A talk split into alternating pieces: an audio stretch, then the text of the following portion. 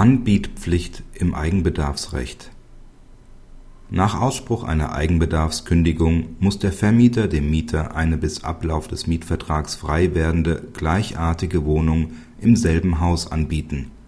Zeitliche Differenzen beim Freiwerden schaden dem Mieter.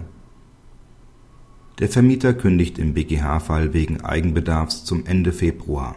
Später kündigt der Mieter einer nahezu identischen Wohnung im Haus zum Ende März der Mieter der vom Eigenbedarf betroffenen Wohnung zieht nicht aus, so dass der Vermieter Mitte April Klage erhebt.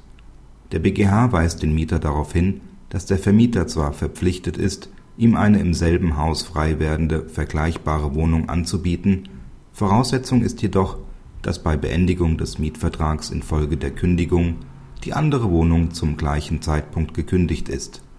Auf den hier späteren Zeitpunkt der Zustellung der Klage kommt es nicht an Praxishinweis Die Entscheidung war im Hinblick auf die vorliegende Rechtsprechung des Senats zu erwarten.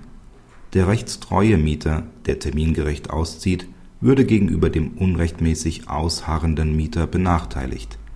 Der Mieter der von Eigenbedarf betroffenen Wohnung kann auch nicht einwenden, dass das Freiwerden einer anderen Wohnung absehbar gewesen sei, denn der Vermieter seinerseits kann sich nicht darauf verlassen dass dies trotz der Eigenkündigung des Mieters auch tatsächlich geschieht